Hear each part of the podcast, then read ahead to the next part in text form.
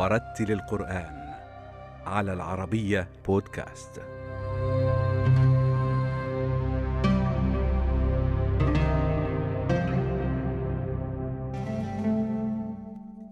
نشأ القارئ هشام الشبيهي في مدينة سلا المغربية قرب العاصمة الرباط وفي كتاتيبها القرآنية شق بداياته في عالم الحفظ والتلاوة بدأ الحفظ في الخامسة عشر من العمر وهو سن متأخر نسبيا قياسا بأقرانه من الحفاظ. ومع ذلك أظهر نبوغا جعل كبار القراء المغاربة يشجعونه على تلقي علوم القرآن وإتقان أحكامه وتعلم فنونه. وهو ما تم له فكان موهوبا في القراءة بالصيغة المغربية التي تعتمد المقامات أو الطبوع الأندلسية. شارك في المحافل والسهرات المغربية لإحياء القرآن الكريم وسجل اسمه ضمن القراء النوابغ المشهود لهم بجمال الصوت وحسن الأداء. لما كنت صغير لم أكن أهتم كثيرا بالقرآن الكريم. كنت يعني الحمد لله أنا كبرت في أسرة محافظة أسرة متدينة. آه، كنت أعشق القرآن لكن لم أكن لم يكن عندي اهتمام لحفظ القرآن الكريم. لكن بعد ما صار عمري 15 سنة 16 سنة بدأ ميولي يميل إلى القرآن الكريم. فبجانب أني كنت أدرس في المدارس الحكومية فتوجهت إلى الكتاتيب القرآنية لحفظ القرآن الكريم ولتعلم القراءة الصحيحة. فالتحقت بكتاب الشيخ محمد السحابي بمدينة سلا. وهناك درست آه، آه، القرآن الكريم وتعلمت على يده آه، القراءة الصحيحة. فكانت هذا كان هذا هو المشوار الأول لانطلاقي في القرآن الكريم وكنت أهتم كثيرا بالقرآن الكريم. وكنت تقريبا يوميا أستدعى للقاءات ولمناسبات لترتيل القرآن الكريم. لكن لما اشتد العود أردت أن أتوجه إلى الإمامة لكن لم أوفق في ذلك لأن طبيعة تربيتي التي تربيت فيها لم تكن تميل إلى أن, أن إلى الإمامة وإلى الاشتغال في بيت الله. أي نعم كنت يعني تقريبا سنوات عديدة تقريبا أكثر من 15 سنة وأنا قارئ في مساجد مدينة سلا ليوم الجمعة. لكن لكي أكون إماما لم لم لم أتوجه هذا التوجه ولم تكن لي رغبة لكي يعني آه، آه، للإمامة في المساجد. كان اهتمامي وكان تأثيري آه، تأثري جدا جدا جدا بالقارئ محمد صديق المنشاوي. هذا كان كان هو يعني المثل الأعلى إلي من من في قضية الطريقة الشرقية. وبحكم على أنني كبرت في في المغرب وللمغرب طريقة خاصة كنت كذلك مولعا بالطريقة المغربية. وكان الشيخ بن موسى سيدي عبد الرحمن بن موسى رحمة الله عليه كان من من الناس الذين شدوا انتباهي وشدوا حنيني لهذه القراءة وكنت أعشق أن, أن, أن أستمع إليه والتقيت به رحمة الله عليه في أواخر أيامه وأخذت منه يعني أصول القراءة المغربية وقرأت عليه واستمع إلي وصحح لي وقيم قراءتي من الناحية آه،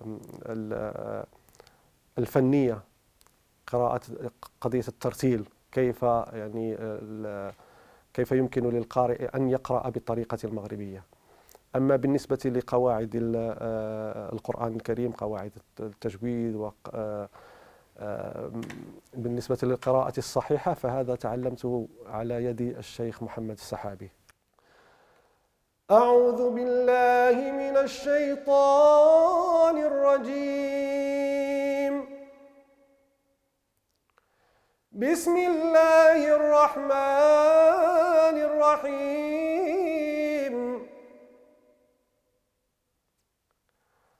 يا أيها الذين آمنوا اتقوا الله ولتنظر نفس ما قدمت لغد واتقوا الله. واتقوا الله إن الله خبير بما تعملون.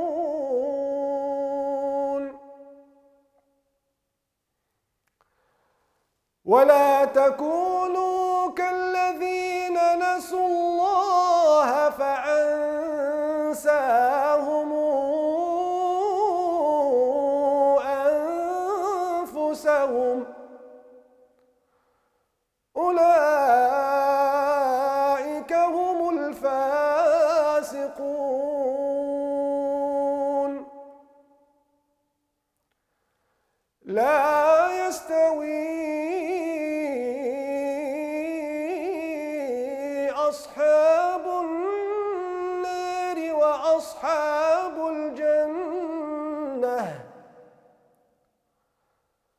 أصحاب الجنة.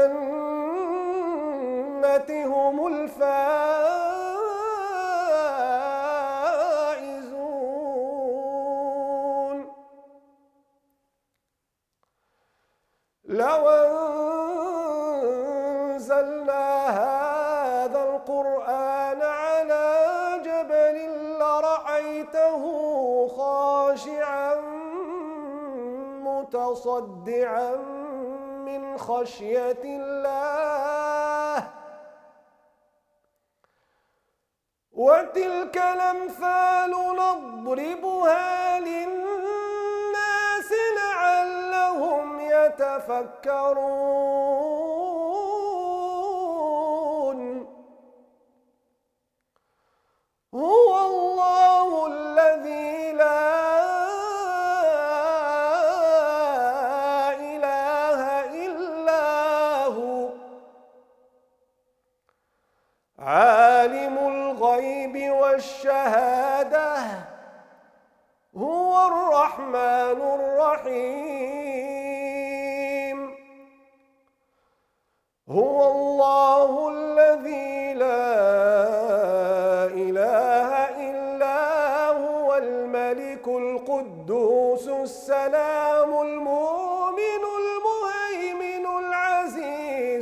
الجبار المتكبر.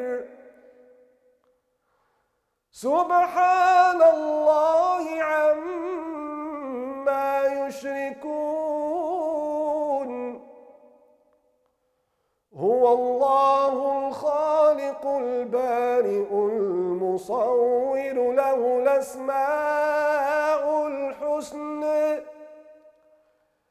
يسبح له ما في السماوات والأرض وهو العزيز الحكيم. آمنت بالله وحده. لا إله إلا الله. محمد رسول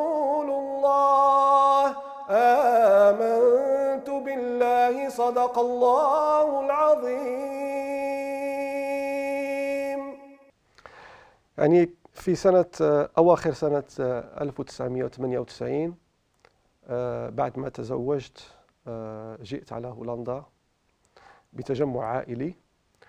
آه، بدأت حياتي وكانت بداية صعبة جدا لأنني انتقلت من عالم فيه حب للقرآن فيه حب للأمداح فيه حب للأسر للأسرة فيه حب للأصدقاء.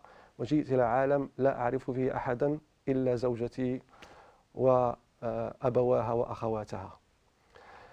فكانت البداية بداية صعبة.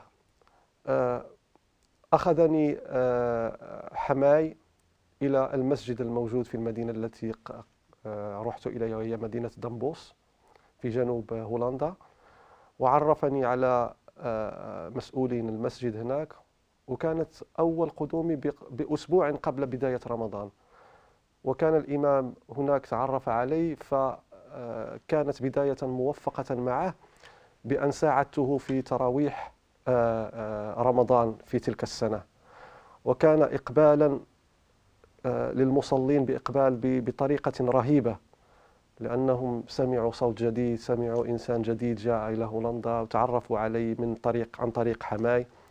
فكانت لقاء حميمي وكان كان يعني كل الاهتمام الحمد لله من هؤلاء الإخوة نشكرهم من هذا المنبر على تلك الحفاوة التي قدموها إلي. لكن بعد ذلك طلب مني كي يعني آه، أمسك المسجد وأكون إماما هناك آه، في ذلك المسجد لكن لم أرضى بذلك لأنني لا أريد أن أكون يعني أرتبط بالإمامة فكنت بس مساعدا لهم في هذه في الأيام العصيبة أو في الأوقات التي لا يكون الإمام موجود أو في عدم عدم وجود الإمام فأساعدهم في الخطب في الدروس في المواعظ في قراءة القرآن في الصلاة إلى غير ذلك. آه، فكانت هذه الرحلة من سنة 98 آه، قل بداية 99 إلى 2006 كانت أموري شوية صعب صعبة يعني في في البداية فكان آه، لم أوفق في أن أجد الطريق الصحيح الذي كنت أرسمه لكي أشق طريقي هنا في هولندا. فقررت بعد ذلك إلى الهجرة إلى الإمارات العربية المتحدة. آه، طلبا من آه، كانت الدعوة من أصدقائي كانوا أئمة هناك في في العين وفي أبو ظبي. فرحت زيارة عندهم فأخذوني إلى وزارة الأوقاف وكان المسؤول هناك على الأذان الموحد فقالوا له هذا الشيخ يعني يحسن الأذان أذان الشرقي ويحسن أذان مكة. فجربه. فقال لي أذن فأذنت. فقال لي أنت الحين موظف عندنا هنا. فكانت هناك الانطلاقة سبحان الله العظيم سنتين مرت سنة في أبو ظبي فكنت مؤذنا في, في الأذان الموحد هناك وسنة في العين. لكن بعد ذلك لم يستقر الحال فرجعت إلى هولندا. بعد رجوعي إلى هولندا قررت أن أبدأ دراسة جديدة لكي أشق طريقي في المستقبل الذي كنت أحلم به. فدرست آه، علم التربية تقريبا أربع سنوات. بعد ذلك أخذت الدبلوم آه، إجازته. ثم اشتغلت في هذا الحقل. آه، بعد ثلاث سنوات طورت شيئا من من من التعليم فعملت تخصص في في المشاكل الأسرية في الطلاق وفي حماية الطفولة. فدرست سنة كاملة في هذا التخصص والحمد لله يعني توفقت فيه. ومن هناك وأنا أشتغل إلى إلى إلى إلى يومنا هذا يعني أشتغل في هذا الحقل. والحمد لله البذرة التي وضعتها الآن هو أنني أساعد الأسر العربية النازحة من سوريا في هذا المجال. التحق القارئ هشام الشبيهي للعيش في هولندا نهاية التسعينيات وفي عالمه الجديد أتقن اللغة الهولندية دون انقطاعه عن لقاء كبار القراء مساهما بدوره كإمام وقارئ اشتهر لدى الجاليات المسلمة في عديد الأنشطة الاجتماعية. وبرز في وظيفته الجديدة كموجه أسري في حماية الطفولة إضافة إلى إمامته المصلين في عدد من المساجد وإحيائه للمناسبات الدينية التي تقيمها الجالية المسلمة في بلده الجديد. بالنسبة للمشاركات القرآنية يعني مشاركات كثيرة في داخل هولندا وفي خارج هولندا مثلا في فرنسا أو في آه، بلجيكا أو في ألمانيا أستدعى كثيرا إلى المساجد للمشاركة في مثلا آه، في ندوات أو في أيام مثلا ترفيهية أو أيام دراسية لقراءة القرآن ولإعطاء بعض الدروس والمحاضرات. كذلك المسابقة آه، شاركت في مسابقة وحيدة في حياتي هي لما كان عند عمري 19 آه، آه، سنة. شاركت في المسابقة الدولية للقرآن الكريم بالمملكة العربية السعودية في نسختها الخامسة. اهتمامي بالقراءة كان أول أولا قبل أن أتكلم على هذا الموضوع أريد أن ألفت النظر إلى شيء مهم هو أنه منحة من الله سبحانه وتعالى ورحمة من الله سبحانه وتعالى وعطاء من الله سبحانه وتعالى هب وهبني الله سبحانه وتعالى ملكة في القراءة وفي آه، آه، تذوق الأصوات وتذوق الألحان. ف وهذه كان عندي يعني ميول إليها من صغري. لكن لم أكتشف يعني لم أطورها حتى صار عمري 16 سنة بدأت بدأت أتعلم هذه الأشياء وبدأت يعني أتذوق القراءة الشرقية وكانت تجذبني كثيرا وتأخذ قلبي خصوصا في قراءة القرآن. لما أتكلم على الشيخ المنشاوي كان يشدني شدا كبيرا. أعوذ بالله من الشيطان الرجيم.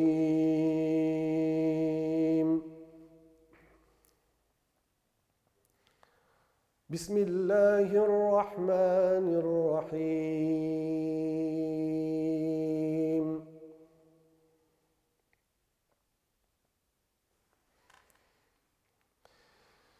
يا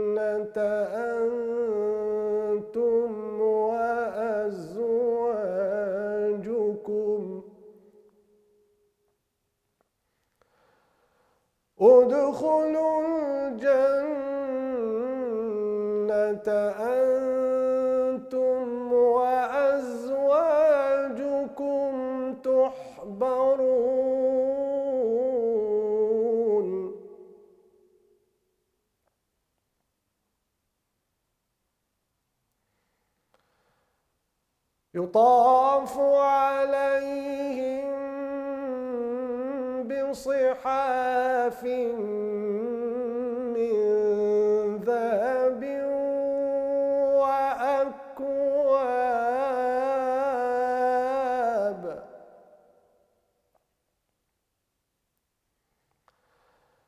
وفيها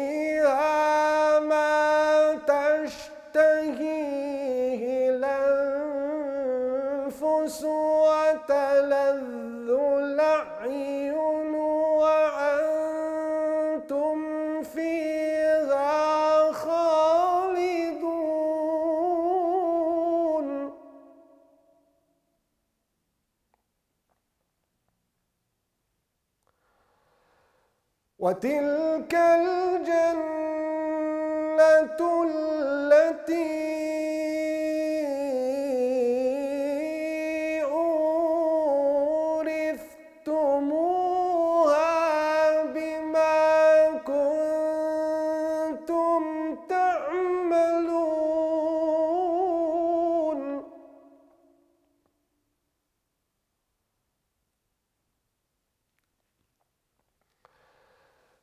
لكم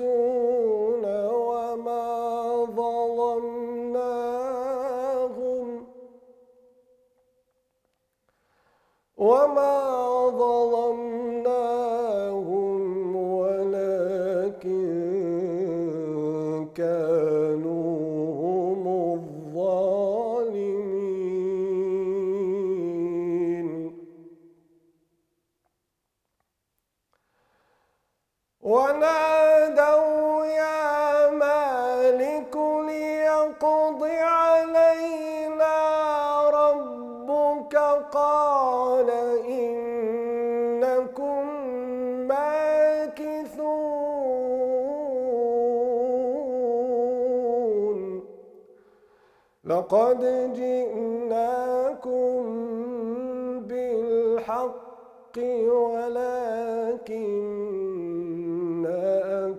أكثركم للحق كارهون.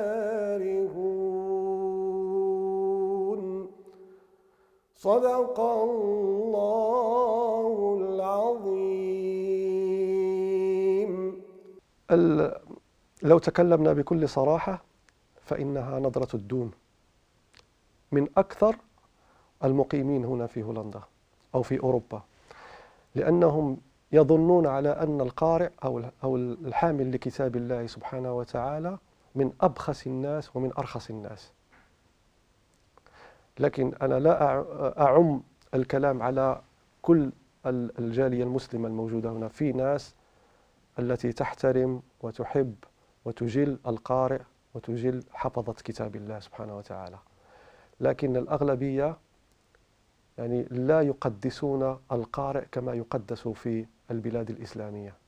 احتراما لكلام الله واحتراما للمكان التي وضع فيها لأنه كما تعلمون كما جاء في الحديث على أن يوم القيامة يقال للقارئ اقرأ وارق ورتل كما كنت ترتل في الدنيا فإن منزلتك عند آخر آية تقرأها. فإن كان هذا مقام الله سبحانه وتعالى الذي يعطيه لعباده القراء أو الحفاظ فإن هذا المقام قد بخس القارئ فيه بين ظهراني الجالية الإسلامية في أوروبا.